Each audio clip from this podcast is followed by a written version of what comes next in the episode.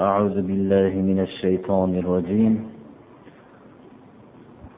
واذكروا الله في أيام معدودات فمن تعجل في يومين فلا إثم عليه ومن تأخر فلا إثم عليه لمن اتقى. واتقوا الله واعلموا أنكم إليه تحشرون. qur'oni karimni mana alloh subhanahu va taolo qodir qilgancha qisman bir tafsir qilib turibmiz. Navbatdagi suramiz suratul fajr. Agar allohni madadi bilan tamomlasak qur'oni karimning oltmishdan biri bo'lgan yarim porani tamomlagan bo'lamiz.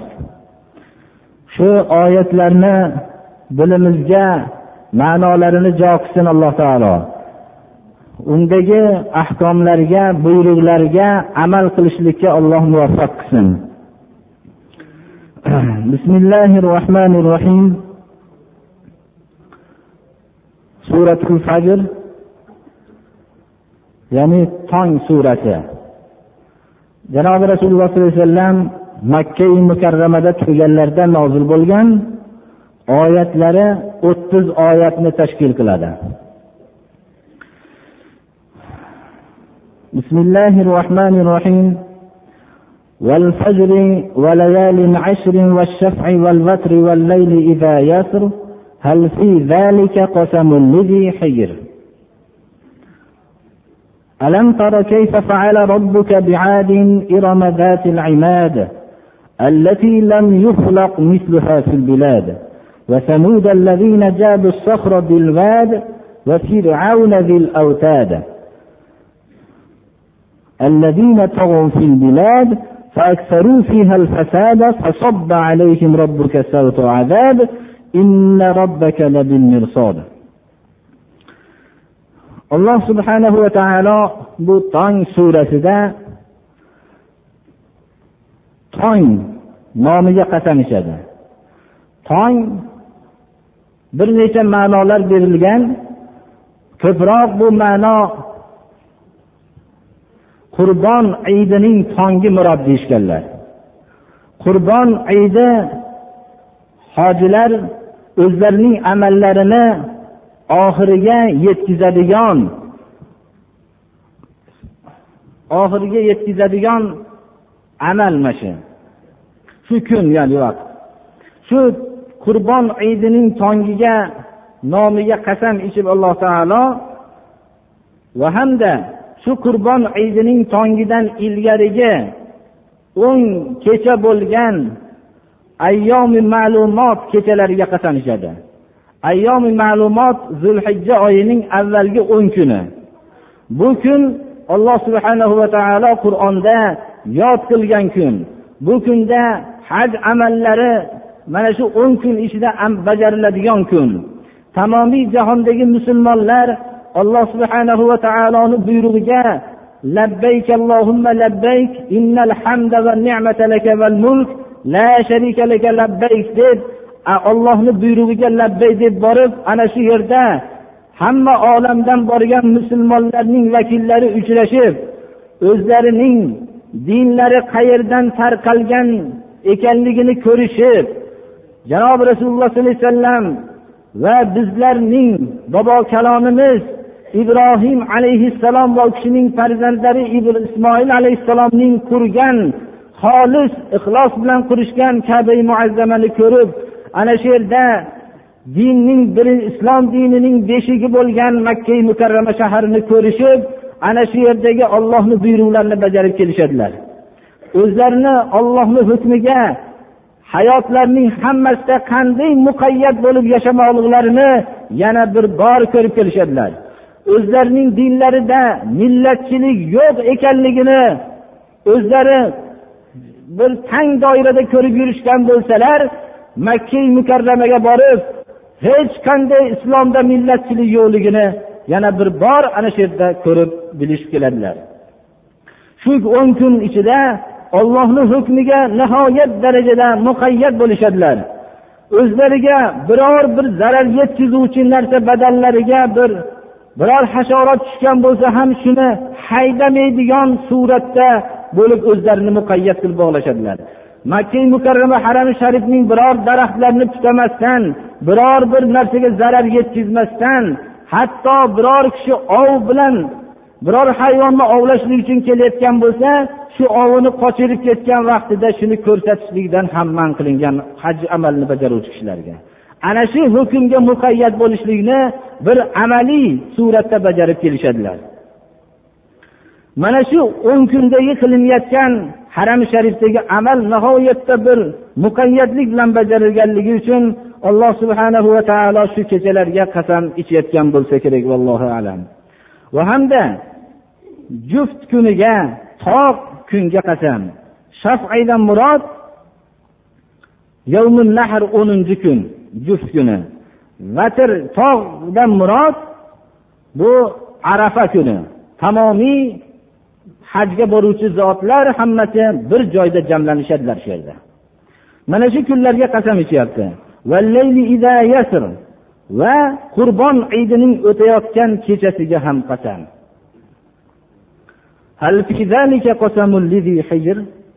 Bu yuqorida qasam ichilingan narsalarda donishmand aqlli odamlarga qasam ichishlikka loyiq bo'lgan ulug' narsalar bormi? Albatta bor. Albatta qasamni ulug' narsalarga ichilardi. Mana shu narsalarga qasam ichilishlikka haqiqatda loyiq bo'lgan ulug' voqealar sodir bo'ladigan vaqtlardir bu. Qasamni javobi hazil qilingan shu nomlarga shu yuqorida o'tgan narsalarga qasam ichib aytamanki deydi alloh taolo albatta dinga qarshi bo'lgan kofirlarni albatta azoblayman deyapti alloh taolo. Bu oyat yuqorida aytib o'tganimizdek makka mukarramada janob rasululloh sollallohu alayhi vasallam turganlarida nozil bo'lgan makkadagi mushriklarning topgan hunarlari muhammad alayhissalomga ergashgan kishilarga ozor berishligida. Tinimsiz ozor berishardi. Ular shu ozor berishlik ularning hunariga aylanib qoluvdi. Ana shu vaqtda bu oyat nozil bo'ldi. Albatta kofirlarga azob beraman deyapti alloh taolo. Tarixga nazar tashlang. Makka mushriklari o'zlarini har qancha zo'ravonman deyotgan bo'lsalar tarixda o'tgan zo'ravonlarcha emas ular. Ularning hollari nima bo'lganligiga nazar tashlang. ألم تر كيف فعل ربك بعاد إرم ذات العماد التي لم يخلق مثلها في البلاد ko'rmaysizmi muhammad ey muhammad alayhissalom rabbiz ot qabilasiga o'zining eng dunyodagi zo'ravonlardan sanagan ot qabilasiga nima muomala qilganligini ot tarixda ikkita ot qabilasi bor bittasi odi iram deyiladi ularning bobolari iram deb nomlanganligi uchun odi iram birinchi ot qabilasi deyiladi. Bular ot qabilasi ahqof ya'ni bir baland baland qumliklar joylashgan sahroda o'rnashgan ekanlar. Bu sahrolarda yashashib ular baland ustunlik chodirlar tikishib o'zlarining nihoyatda quvvatlari bilan va solgan o'zlarining ana shu binolari bilan faxrlangan xalqlar ekan. bularga olloh tarafidan hud alayhissalom payg'ambar qilib jo'natildi bular hud alayhissalomni hech qanday payg'ambarligini tan olishmadilar o'zlarining quvvatlariga ishonishdilar quvvatlari bilan ular hamma olamni ostin ustun qila oladigan kishilar deb sanadilar qur'oni karimda استعيذ بالله فأما عاد فاستكبروا في الأرض بغير الحق وقالوا من أشد منا قوة أولم يروا أن الله الذي خلقهم هو أشد منهم قوة ot qabilasi takabburlik qildi nohaqlik bilan takabburlik insonga yarashmaydi inson takabburlikka muvofiq mavjudot emas bu inson takabburlik faqat alloh subhana va taologa xos va takabburlik qilishib man ashaddu minna quvva dedi yer yuzida bizdan quvvatli kim ekan o'zi qani aytsin deyishdi Alloh subhana va taolo ularni shamol bilan halok qilib tashladi. Qur'onda ularning holatlarini bayon qilinib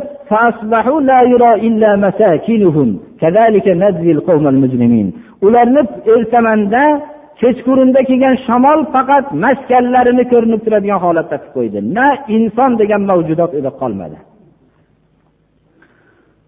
Dunyoda quraysh xalqi zo'ravon bo'lsa ot qabilasi zo'ravon bo'ladi.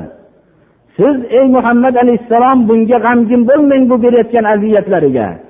Rabbiz ot qabilasiga nima muomala qildi ko'rmadingizmi bu odi iram avvalgi odiyki shu qumlikda yashagan odlarga zotil imod nihoyatda bir binolari nihoyatda ustunlik va quvvat bo'lgan. Yo bo'lmasam ba'zi mazmunlari bor ustunga o'xshagan baland ko'rkam odamlar edi degan mazmun ularga o'xshagan ana shu davrlardagi viloyatlarda ularga o'xshagani yaratilmagan baquvvat kishilar edi. Ana ularni shamol bilan alloh taolo halok qilib tashladi. Samud qabilasiga nima muomala qildi? Ko'rmaysizmi? Samudiyki ular madina bilan shom o'rtasida turgan vodiyda yashashardilar.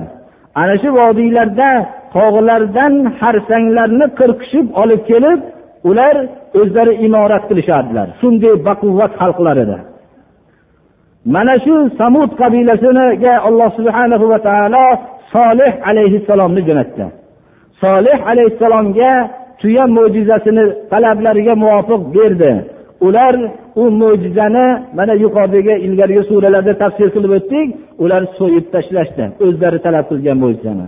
Alloh subhana va taolo ularni tamoman halok qilib yubordi. Mana butun ahromlar egasi bo'lgan fir'avnni nima qildi alloh taolo? Ahromlar go'yoki yerga qoziqlik manzilatida turgan katta ahromlar egasi bo'lgan fir'avnniga nima muomala qildi? Ular u fir'avnni suvda g'arq qilib tashladi. Yer yuzidagi zo'ravonlarning peshvolari mana shular. Ot qabilasi samud qabilasi va fir'avn mana bularni hammasini alloh taolo halok qilib tashladi. Bular hammasi ollohning shaharlarida yerdagi butun viloyatlarda tug'yonkorlik qilishdi bular. Tug'yonkorlik sababi bilan ular bu viloyatlarda buzg'unchilikni ko'paytirishdi. Tug'yondan buzg'unchilikdan boshqa narsa kelib chiqmaydi. Tug'yon tug'yonkorni birinchi buzadi. Tug'yonkor o'zining havoyi nafsidan boshqa narsaga ergashmaydigan holat paydo bo'ladi. U hech qanday olloh tarafidan bo'lgan nasihatga ollohning payg'ambarlari nasihatiga quloq solishlikdan chetga chiqadi. Tug'yonkor sababli tug'yonkorga bo'ysunib yashayotgan qo'l ostidagi kishilar ham buziladi. Ular doim haq nohaq so'zni qabul qiladigan holatga tushib qolishadilar. Mana bu narsa bilan ulardagi alloh subhana va taolo mukarram qilgan hurriyatdan mahrum bo'lishadilar tug'yonkor qo'lda yashayotgan odamlar. Ana tug'yonkor agar peshvo bo'lar ekan qo'l ostidagi kishilar hammasi tug'yonkorga birinchi fasod paydo bo'lgandek uning qo'l ostida bo'lgan kishilar ham fasod bo'lib buzilishadilar. Tug'yon odamni hatto sizlarning oliy tarbiyat kunandalarman deyishgacha chiqadi mana. Fir'avn shunday dedi. Fir'avn ana robbukumul ala dedi mana. Ana endi yer yuzida alloh subhana va taolo yer yuzini fasodni ko'payishligi uchun yaratgani yo'q. Bu yerda yer yuzini tug'yonkorlar uchun yaratgani yo'q. Bu yerda buzg'unchilik haddidan oshgandan keyin alloh subhana va taoloning jo'natgan payg'ambarlarga quloq solishmagandan keyin alloh subhana va taolo ularga rabbiz azob qamchisini tushirdi. Mana azob qamchisi turli suratda bo'lib tushdi. Ba'zilarini alloh taolo shamol bilan halok qilib tashladi. Ba'zilarini sayha bilan yo'qotib tashladi. Ba'zilarini suvga g'arq qilib tashladi mana.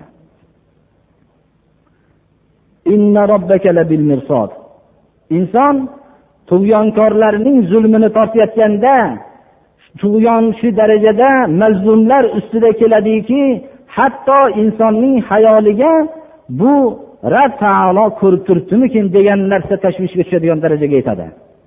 Mana payg'ambarlar tarixiga nazar qilinsa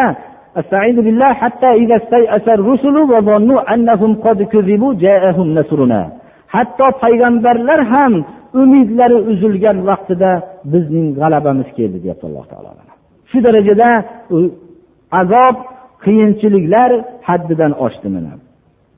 Lekin banda shuni bilish kerakki inson zohiriy ahvollarga aldanmasin.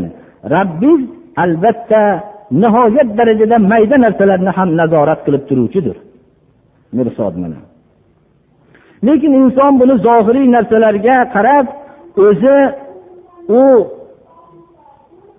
alloh subhanahu va taoloning nihoyat darajada daqiq narsalarni ham nazorat qilib turganini tasavvur qilmaydida iymondan komil iymondan qalbi bo'lgan xoli bo'lgan xoli bo'lgan odam zohiriy narsalarni o'lchab hayotda berilayotgan rizqni kengligi alloh subhanahu va taoloning oldidagi hurmatga behurmat belgisi deb tushunadi. Rizqining tangligi xalq o'rtasidagi martabasiz bo'lib o'sayotganligi o'zining ollohni huzurida e'tibordan qolganligini belgisi deb tushunadi. Zohirlarga qarab lekin bu o'zi hayotdagi berilingan narsalar insonning qilgan mehnatlariga mukofot emas edi. Ikkalasi ham imtihon edi o'zi. Shuning uchun alloh taolo mana mana shu oyatda bayon qilyaptiki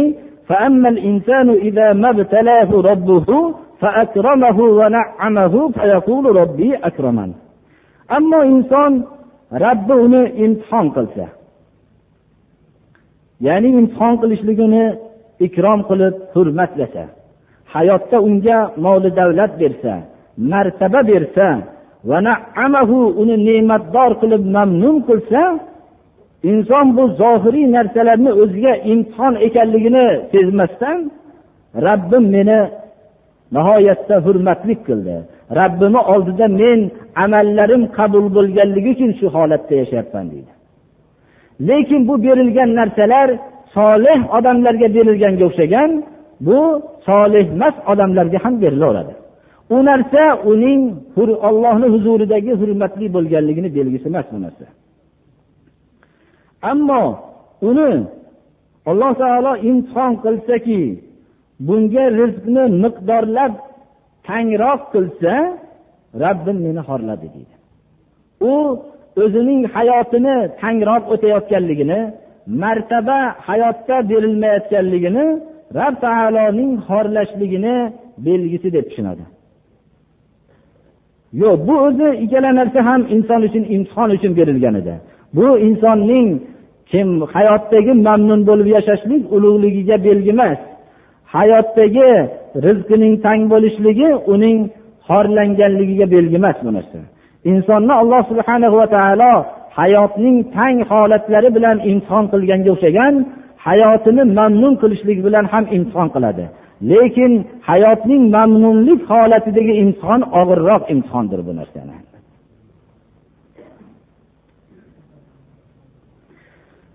Ana shunday imtihon ekanligini esdan chiqaradida o'zining hayotdagi holatlarini o'zgacha qiladi. O'ziga berilingan moli davlat va martabalardan unumli foydalanmaydi. Unda alloh subhana va taoloning buyurgan infoqlarini qilmaydi. Yetimlarning haqqini rioya qilmaydi. Miskinlarni yedirishlikni rioya qilmaydida ana inson o'zini ana shu ne'matni esdan chiqarib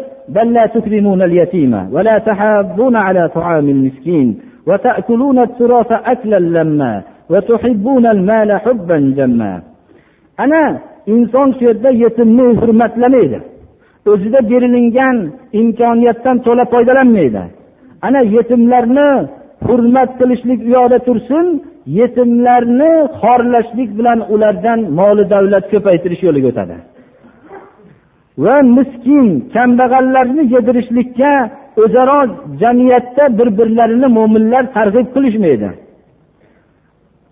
Ana o'ziga berilingan martabalardan foydalanib shu miskinlarni yedirishlikka bo'lgan targ'ib qilishmaydi. Meroslarni sizlar nihoyatda harislik bilan yeysizlar meroslarni o'zining egalariga taqsim qilishlik o'rniga uni harislik bilan yeysizlar sizlar shu narsani. Va mol davlatlarni haddan tashqari yaxshi ko'rasizlar.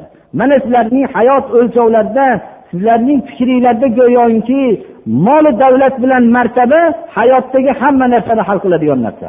Mana shu narsa bo'lishlik hatto alloh subhana va taoloni oldidagi hurmat ham shu bilan bo'ladi deb tushunasizlar.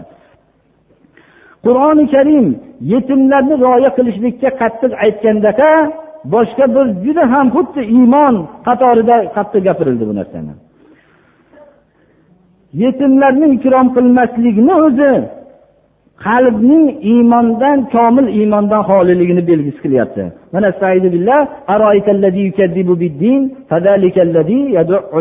mana. Dinni yolg'on deyotgan odamni ko'rganmisiz? Dinni yolg'on deyotgan odam yetimni o'zidan surib itargan odam deyapti alloh taolo. Dinni yolg'on deyotgan deyishlik shart emas ekan. Yetimni o'zidan surishlik o'zi bir dinni yolg'on deyishlikni bir belgisi ekan mana bu narsa. Mana shu yerda ham aytilyaptiki balki miskinlarni yedirishlik emas miskinlarni yedirishlik kifoya qilmas ekan odamni miskinlarni yedirishlikka targ'ib qilishlik ham kerak ekan. Endi miskinlarni ovqatini unga har xil nomlar bilan ehson degan nomlarni qo'yib yeyotgan odamni qur'oni karim gapirib ovora bo'lmaydi uni. Yetimlarni mollarini yeyotgan odamni qur'oni karimda gapirib ovora bo'lgan emas bu balki bu yerda yetimni hurmat qilmayotganlikni o'zi qattiq gapirilyapti mana.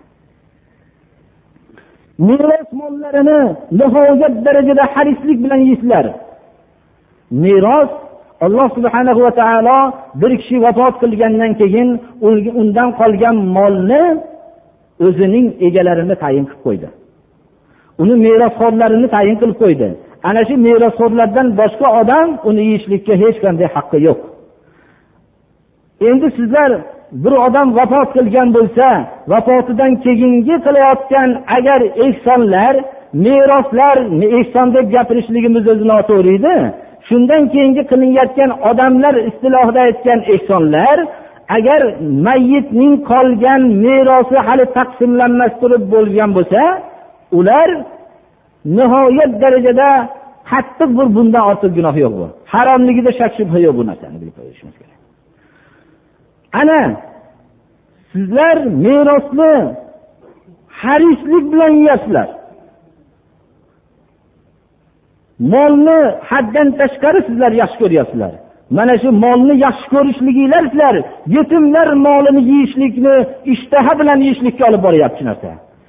Sizlarning mollarni haddan tashqari yaxshi ko'rishinglar meros mollarni yeyishliklarga olib boryapti. Hatto yetimlarni aldab tirikchilik qilishlikkacha olib boryapti shu narsa.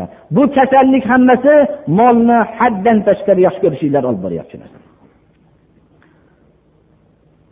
من كان رأس ماله حب الدنيا كالتي الألسن عن خسران دينه agar bir kishining dastmoyasi dunyoni muhabbati bo'lsa uning qo'ldagi dastmoyasi dunyoni yaxshi ko'rishlik bo'lsa tillar uning dinini ziyonlarini gapirishlikdan ojizlik qiladi hadis sharif bu tillar uni ziyonini aytib tugata olmaydi. Ana dunyoni haddan tashqari muhabbat qilishlik ana shu bizni meroslarni harislik bilan yeyishligimizga yetimlar molini yeyishligimizga yetimlarni hurmat qilmasligimizga miskinlarni yedirishlikka targ'ib qilmasligimizga mana shu narsa sabab bo'lyapti. Endi bu yetimlarni molini buni yeyishlik bilan katta bir darajotlar hosil bo'ldi biz degan gaplarni bu yerda gapirib o'tirishlikni hojati yo'q bu narsani. To'g'ri katta darajotlar hosil bo'lgan bo'lsa ham do'zaxdagi katta darajotlar hosil bo'ladi ana shu narsani bilib qo'yishimiz kerak.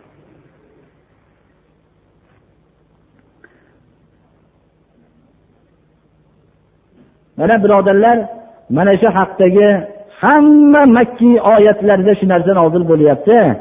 Nima uchun? Johiliyat davrida yetimlar butun xorlanardi. Miskinlar xorlanardi. Hayot hammasi o'rmon qonuni edi qaysi odam kuchli bo'lsa kuchsizni yevrardi shu narsa islom kelgandan keyin mana shunday miskinlar yetimlarni rioya qildi. Shularni saqladi. Shularga bo'layotgan zulmdan islom ozod qildi ularni. Janobi rasululloh sollallohu alayhi vasallamning da'vatlari yangi bo'lgan vaqtda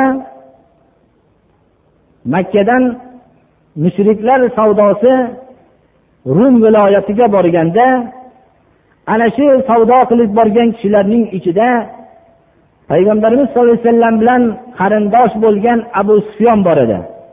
Abu sufyon o'zini shirk yo'li dedi u vaqtda. Lekin payg'ambarimiz bilan qarindoshligi bor edi. Hiraqlning shu rum viloyatining podshosi hiraql musulmonlarni savdo bilan shu musulmonlar viloyatidan kelgan makka shahridan kelgan mushriklarni kelganligini eshitib ular bilan muhammad alayhissalom haqida bir so'ramoqchi bo'ldi. Hammalarini o'tkazib qaysilari yaqinroq taniydigan kishini ajratib olib abu sufyonga o'nta savol qildi. Shu savollarining bittasida deb savol qildi. Bu odamga sharaflik badavlat odamlar o'rtasidagi obro'li kishilar ergashyaptimi yo zaiflar ergashyaptimi dedilar. Shunda rost gapirishlikni shart qildi bu yerda. Ularning xato o'tkazib qo'ydiki mabodo shu oldida o'tirgan odam yolg'on gapirsa orqadan yolg'onchi deysizlar dedi.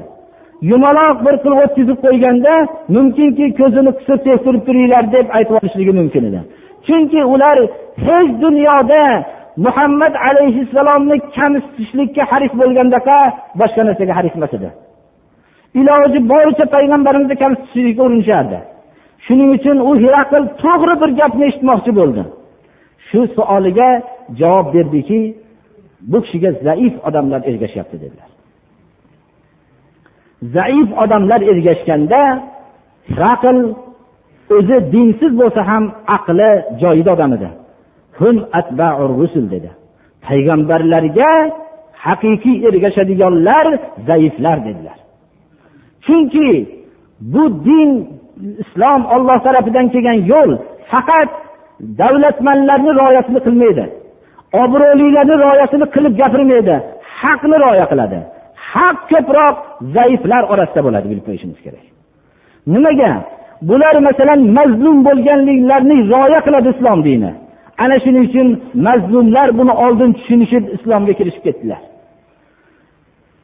Hozirgi zamonda ham shu narsaning hidi kelmoqda birodarlar. O'ylab qarasangiz haqiqat so'zni gapirsangiz ergashgan kishilarni tekshirib ko'rsangiz xalq o'rtasidagi sharafli kishilar juda orqada. Sharafli odamlarni bu safda topolmaysiz. Chunki sharafli odamlar soxta obro'larni qo'lga keltirishgan bo'lishadilar. Ular davlatlari bilan go'yoki olimlar boshqalarni hammasini sotib olmoqchi bo'lishadilar. Ular o'zlarining topgan martabalari soxtaligini doim bekitishadilar. Lekin din haqiq bo'lganligi uchun uni oshkor qilib tashlaydi. Oshkor qilgandan keyin ularning soxta obro'lari puchga chiqadida shuning uchun ularda obro' qolmaydi. Mana shuning uchun dinga haqiqatga har xil vositalar bilan qarshilik yo'llarini topishadilar. Shuning uchun haqiqat yo'liga avvalgi ergashgan kishilar zaiflar bo'ladi bilib qo'yishimiz kerak shu narsani. Mana eshityapmizki hech qanday hali xalq o'rtasida bir tayinli odam ergashgan emas degan haqiqatga degan gaplarni hammamiz qulog'imiz bilan eshitib turamiz alhamdulillahi robbil alamin deyishimiz kerakki bizga din sharafli odamlar bilan rivojlanmaydi. Din doim masalan ana shu zaiflar dini. Ular ana shu haqni tezda qabul qilishadilar. Ular o'zlarining ustida bo'layotgan zulmlarni tezroq tushunishadilar bu zaiflar.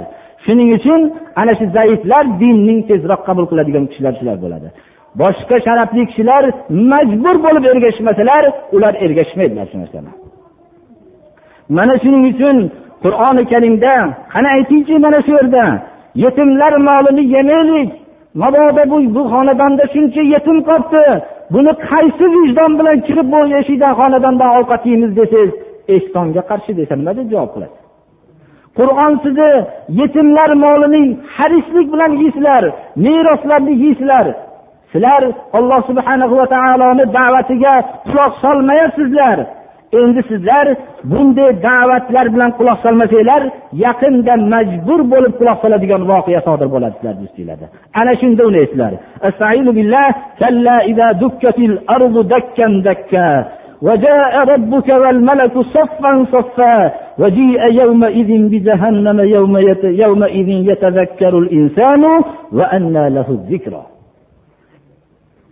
sizlar bu da'vatlarga quloq solmaysizlar sizlar bu islomni mana shunday qur'oni karimning olloh tarafidan bo'lgan nidoning so'zlari sizlarning tosh qalbinglarga ta'sir qilmaydi. Siz yer tekislansa tamomiy mayda mayda qilingan holatda. Qiyomat bo'lsa ya'ni rabbiz kelsa maloikalar hammasi rab taoloning buyrug'ini bajarishlik uchun saf saf bo'lib kelsa qiyomatda va ana shunday yetimlarni ikrom qilmagan miskinlar taomil yedirishlikka targ'ib qilmaganlarni merosni harislik bilan yegan kishilarni va molni haddan tashqari muhabbat qilib zulm bilan topishlikdan bosh tortmaganlarni uloqtirishlik uchun hozirlab qo'yilgan jahannamni olib kelinsa shu kunda ana shu kunda inson keyin tushunadi. Inson tushunadi lekin tushunishlikni unga nima foydasi bor? Unga tushunishlikni nima ahamiyati bor endi?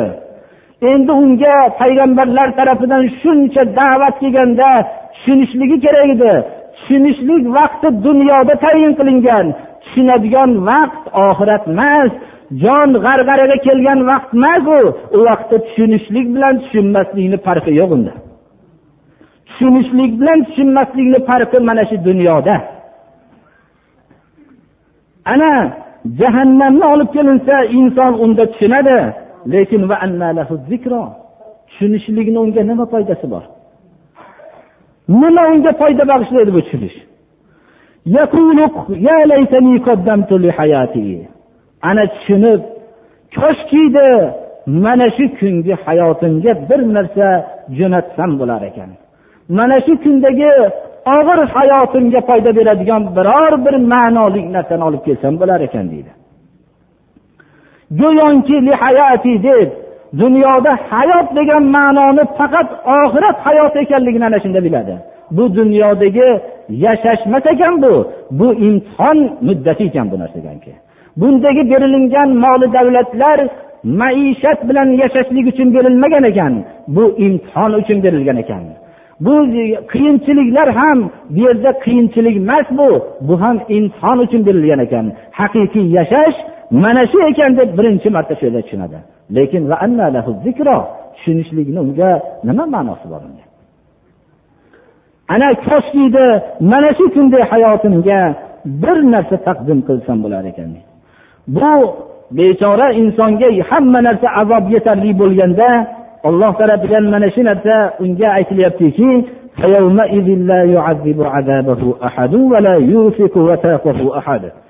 bu kunda ollohni berayotgan azobini hech kim bera olmaydi.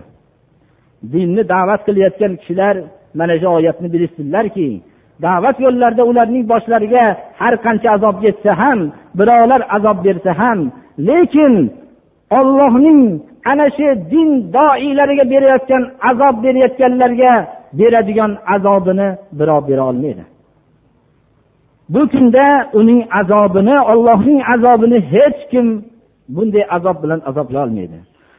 Azobda bog'lanmagan suratda bo'lsa ham azob chekayotgan odam u yoq bu yoqqa yugurib jinday bir yengillashligi mumkin. O'zi qochadigan joy ham azob o'zi.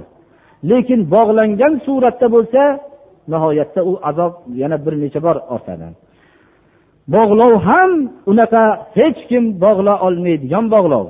Ollohning bog'lovini biror kishi bog'lay olmaydi mana. Nihoyatda mustahkam bog'lanib azob beriladi ana shunday dahshatli soatda hayotida osoyishtalik bilan xursandliklar haddan tashqari quvontirmasdan qiyinchiliklar cho'ktirib yubormasdan o'zining muvozanat bilan saqlab kelgan komil iymonli insonni alloh subhanahu va taolo tarafidan chaqiriladi. Ey muvozanatlik xursandliklar xoliqtirmagan g'alabalar xoliqtirmagan qiyinchiliklar ruhsizlantirmagan ey inson!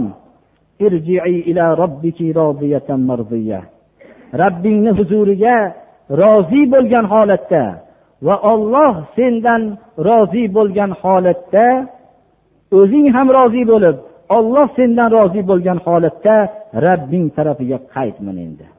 Sen yashagan dunyo haqiqiy dunyoying emas edi. Endi u bir muddat bilan turgan dunyo edi. Ana shu haqiqiy bo'lmagan joydan haqiqiy rabbing tarafiga qayt mening mening shu muqarrab bo'lgan bandalarim bilan safiga kirgin deydi alloh taolo. Jannati. Jannatimga ana shunday moli davlat ko'paygan vaqtida ollohni buyruqlarini rioya qilib yashab quvonib ketmasdan holiqmasdan bu moli davlat martaba bilan zulmga o'tmasdan o'zini muvozanatda saqlash va qiyinchiliklarda ollohni buyruqlarini susaytirmasdan haq yo'lda tura olgan muvozanatli kishilarga hozirlab qo'ygan jannatimga kir deydi alloh taolo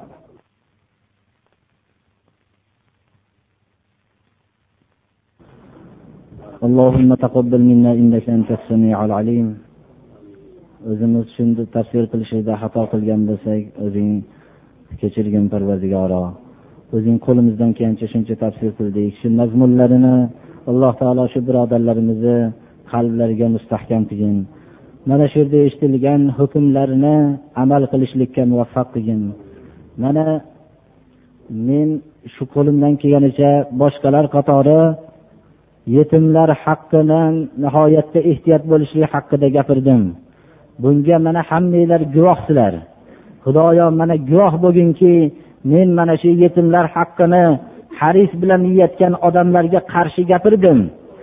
Mana shular hammasi buni bitta gapirganligimni boshqa birodarlarimizni shuni gapirganligini hujjati shuki bu yetimlar molini yemanglar degan birodarlarimiz sha'niga va shu qatorda bizni ham sha'nimizga bular ehsonga qarshi degan tirik odamlar turibdi mana shunday. Atroflarda turishibdilar mana shu menga hujjatki menga shular qarshi bo'lishligi menga hujjatki mana aytdim mana shu narsalarni. Go'yo mana meros mollarini yeyishinglar durust alloh subhanahu va taolo shuni taqsim qilib qo'ygan shu taqsimga muvofiq taqsimlanishi kerak deb aytdim mana shu narsalarni. O'zing guvoh bo'lgin parvardigoro mana masalan. Men shu narsalarni hamma birodarlarimiz sha'nlariga ham shunday gapirayotgan kishilarga yana bir bor aytaman qur'onga qarasinlar. Qur'onda alloh taolo juda qattiq gapirgan bu narsani. Buni aytmaslikni iloji yo'q birodarlar. Aytmasak mana qiyomatda o'tdan bo'lgan jugan solinadi. Haqiqatni bilib gapirmagan olimlarga degan gaplar bor mana birodarlar. Hadislar bor.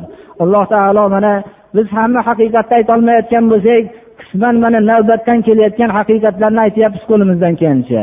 Endi buni bu yoqda ham salomat shuda tursak gapiraveramiz shu narsani odamlarga manzur manzur bo'lmasligini bizga qizig'i yo'q odamlardan bizga maqtov bo'lishligini qizig'i yo'q bu narsani alloh taolo hammamizni shu qur'onni hukmlariga muvofiq yashashlikka alloh muvaffaq qilsin hammamizni avlodlarimizni to'g'ri yo'ldan chiqarmasin parvardigoro qiyomatgacha hammamizni xonadonimizdan olim olimalar mujohid mujohidalar bo'lsin hammasi parvardigoro اللهم أعز الإسلام والمسلمين اللهم انصر من نصر الدين واخذل من خذل الدين اللهم ألف بين قلوب المؤمنين في المشارق والمغارب واجمع كلمتهم اللهم عليك أعداءك أعداء هذا الدين وصلى الله تعالى على alloh taolo parvardigoro to'g'ri yo'ldan chiqarmasin hammasini parvardigoro allohu akbar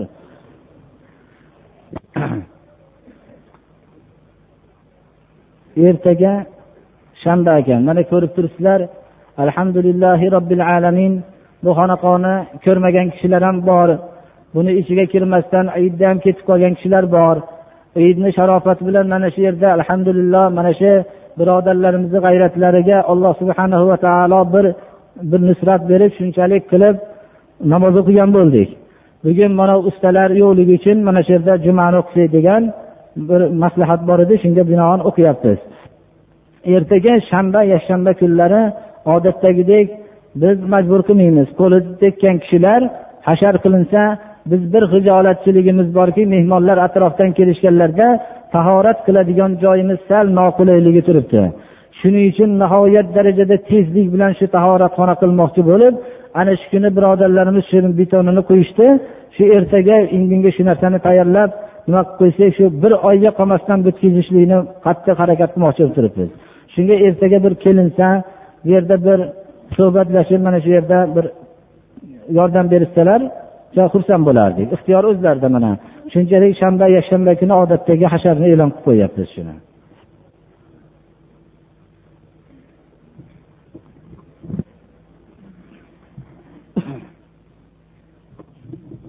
أكبر الله أكبر الله أكبر لا إله إلا الله الله أكبر الله أكبر ولله الحمد.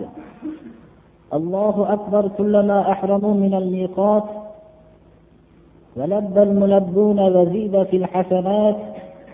الله أكبر كلما دخلوا فجاج مكة آمنين وطافوا بالبيت وسعوا بين الصفا والمروة ذاكرين مكبرين. الله أكبر كلما وقفوا بعرفة خاضعين مكبرين مخبتين منيبين. الله أكبر كلما وقفوا بالمشعر الحرام راغبين طالبين الله أكبر كلما رموا الجمرات مكبرين محلقين رؤوسهم ومقصرين. الله أكبر الله أكبر. لا إله إلا الله. الله أكبر ولله الحمد. أعوذ بالله من الشيطان الرجيم. بسم الله الرحمن الرحيم. لن ينال الله لحومها ولا دماؤها ولكن يناله التقوى منكم. كذلك سخرها لكم لتكبروا الله على ما هداكم وبشر المحسنين. birodarlar ollohdan taqvo qilinglar. Taqvo bizni dinimizni asosi taqvo alloh subhanahu va taologa ixlos qilish ollohdan qo'rqishlikni aytadi. Qurbonlik qilayotganda alloh subhanahu va taolo mana shu oyatni bizga ta'lim beryaptiki ollohga sizlar qilgan qurbonlikni go'shti yoki qoni yetmaydi. Olloh sizlarning qilayotgan qurbonliginglarni go'shtiyu qoniga muhtoj emas. Lekin ollohga yetadigan sizlarning qalbinglardagi xolis niyati yetib boradi. Ana shu niyat yetib boradi. Biz sizlarga mana shu qurbonlikni muyassar qilib shunday hayvonlarni sizlarning hukminglarga bo'ysunib shu vaqtda qurbon qilayotgan vaqtinglarga sizlarga taslim bo'ladigan holatni paydo qildik.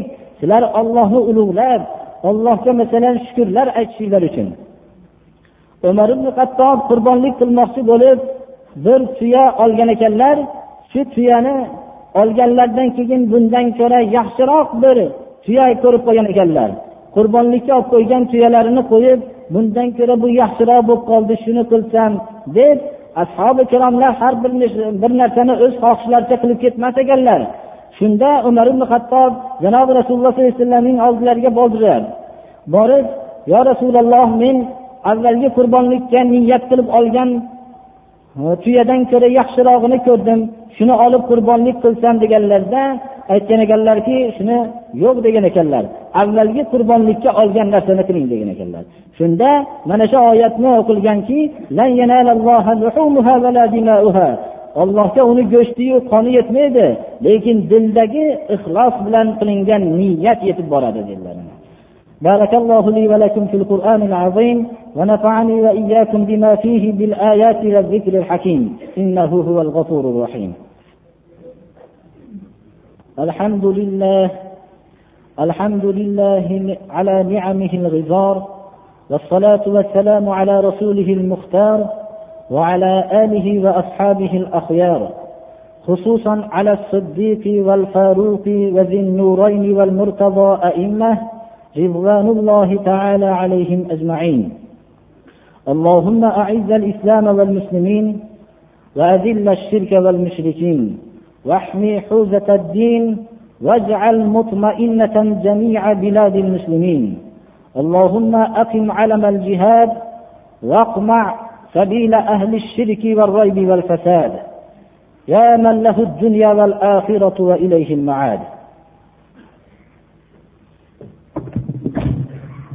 Ham juma ikkita bayramda turibmiz biz endi alloh taolo. Gunohlarimizni mag'firat qilsin parvardigoro ibodatlarimizni qabul qilsin.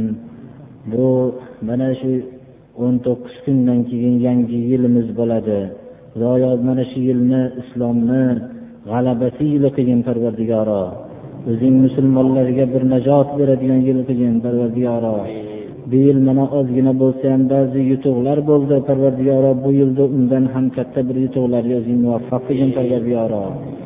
Avlodlarimizni hammasini to'g'ri yo'lga bog'lagin parvardigoro shu yo'lda hidoyat qilgin. Xudoyo hammamizni qalblarimizni bir biriga xayrixoh qilgin parvardigoro. Dushmanlarimizni bizga do'st qilib olib kelbergin parvardigoro. Ittifoqlikni ato qilgin parvardigoro musulmonlarni o'rtasida dushmanlar doim musulmonlarni o'rtasini buzishga harakat qiladi birodarlar nihoyatda hushyor bo'lishimiz kerak hammamiz bir parvardigoro ittifoq bo'lib qur'oni hadis yo'lidan chiqarmasin hammamizni allohu akbar آمين اللهم تقبل منا إنك أنت السميع العليم alloh taolo mana shu oyatda bayon qilingandek parvardigoro jannatni darvozalardan o'zing dohil qilgin parvardigoro. Hamma shu yerda maloikalar bilan birga saf bo'lib jannatga kirgandan keyin mana shu jannatga dohil qilgan allohga hamdlar bo'lsin deb turlar ekan mana. Parvardigoro bizlarni ham oxirgi holatimizda iymon bilan kechishlikka muvaffaq qilgin. Parvardigoro o'zingni iymonlik amali solih qilganlarga